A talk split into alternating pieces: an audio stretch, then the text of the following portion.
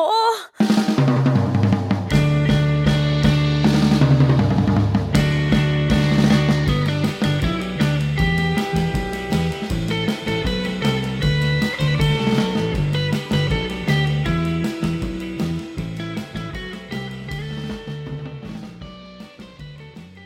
Ik was bijna jaar toen ons mama haar vakantie wou doorbrengen in een hotelletje tussen de bossen en de plassen. Je weet wel, hè? de vrije natuur. Het had daar zeer vervelend kunnen worden, want we hebben dan bossen en plassen. Maar gelukkig was mijn iets oudere vriendinnetje Marleentje er ook. Ook met haar ouders. En wij tweeën gingen dikwijls samen wandelen in de bossen. Zeg, ik, ik weet hier een schone vijver zijn hier in het midden van het bos. Als je wilt, gaan we naartoe. Oh ja. We gaan niet weten wat je ziet. Inderdaad. Daar, in het heldere water van de vijver, zwommen drie blote mannen, schaamteloos rond, zonder zwembroek, volledig in hun pure. Het bleken drie getrouwde mannen te zijn die ook in ons hotel logeerden. Niks hielden die verborgen toen ze ons zagen komen, integendeel. Ze lieten in het glasheldere water hun monsterding zien. Trillend van opwinding gingen wij in het gras aan de oever zitten. Een van die mannen, Jean-Paul hem, kwam recht voor ons staan. Het water tot aan zijn dijen. Zodat het gezegd mocht worden dat hij de kop boven water hield. En wat voor een kop dan nog. Paars en gezwollen. Een tweede man, de schrijver van fonografische verhalen, begreep ik toen, strekte zich zelfs naast ons uit in het gras.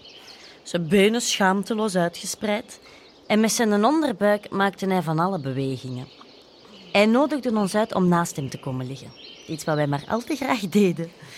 Vooral Marleentje, die beefde van opwinding. Ikzelf was alleen maar nieuwsgierig naar de stijf opgerichte loop van zijn kanon. En terwijl hij Marleentje in zijn armen nam en zoende en onder haar rokske greep en haar broekske wegtrok, kon ik van heel dichtbij zijn kanon bekijken. Ja, kijk maar eens goed. Hè? Voelt me niet zo stijf en hoe weet het is. Hè? Maar een deugddoener. En omdat hem toch verder ging met Marleentje haar kutje te strelen, ging ik er rustig bij zitten. Om alles eens goed te keuren wat dat hem daar in zijn groentewinkeltje uitstalde. Vooral zijn zak vond ik interessant. Hé, dat is er een met een naadje. Voorzichtig begon ik daarin te knijpen. En ik voelde de beide teeltkloten. Oh,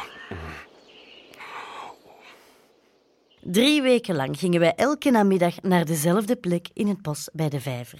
En zagen we daar de mannen, die reeds heet liepen naar onze komst, gelijk ze zegden. En met z'n allen trokken we ons dan terug dieper in het bos, waar we nog meer ongestoord konden spelen en stoeien.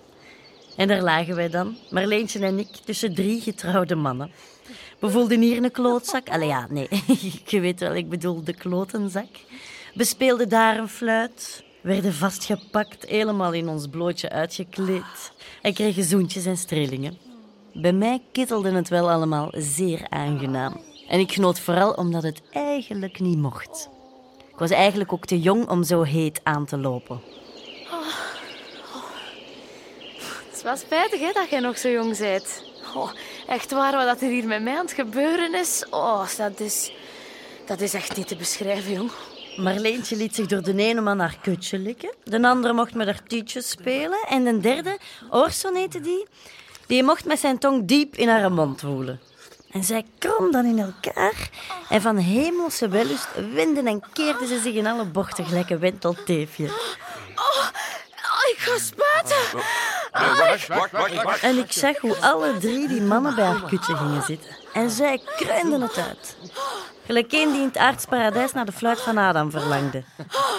De jongste van de mannen, Jean-Paul dus, greep haar toen in zijn armen en begon over haar tepeltjes te wrijven. Ja, jij wilt echt wel eens, hè? Ik keek nieuwsgierig toe. Wat, wat zou dit nu weer willen zeggen? En dan zag ik hoe Jean-Paul zich tussen haar dijen neerlegde, zijn stijve fluit tegen haar open kutje aanwreef. En met de kop ervan de roze opening van het vaginagatje zocht. En toen hij dit bereikt had, probeerde hij er met alle kracht naar binnen te geraken. Oh, Ja, die worst leek mij veel te groot als voedsel voor dat muizenmondje. Jean-Paul bleef een hele tijd onbeweeglijk. Heel zijn bedelstaf zat tot aan zijn bedelzak in dat veel te kleine kutje. En heel langzaam begon hij zijn fluit heen en weer te bewegen. En ik zag hoe Marleentje haar armen om de bruin gebrande rug van Jean-Paul sloeg.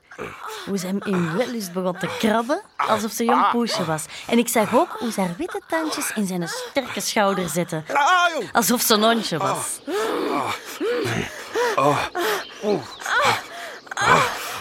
En ineens verliet de bedelprins het grotteke. Druipnat van de vochtigheid van daarbinnen.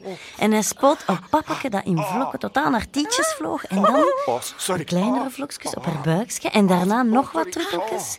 Oh, oh, een heel klein beetje dons op haar muizen. Het was spijtig dat mijn vakantie gedaan was. Ik moest Marleentje aan die drie mannen overlaten. Spijtig.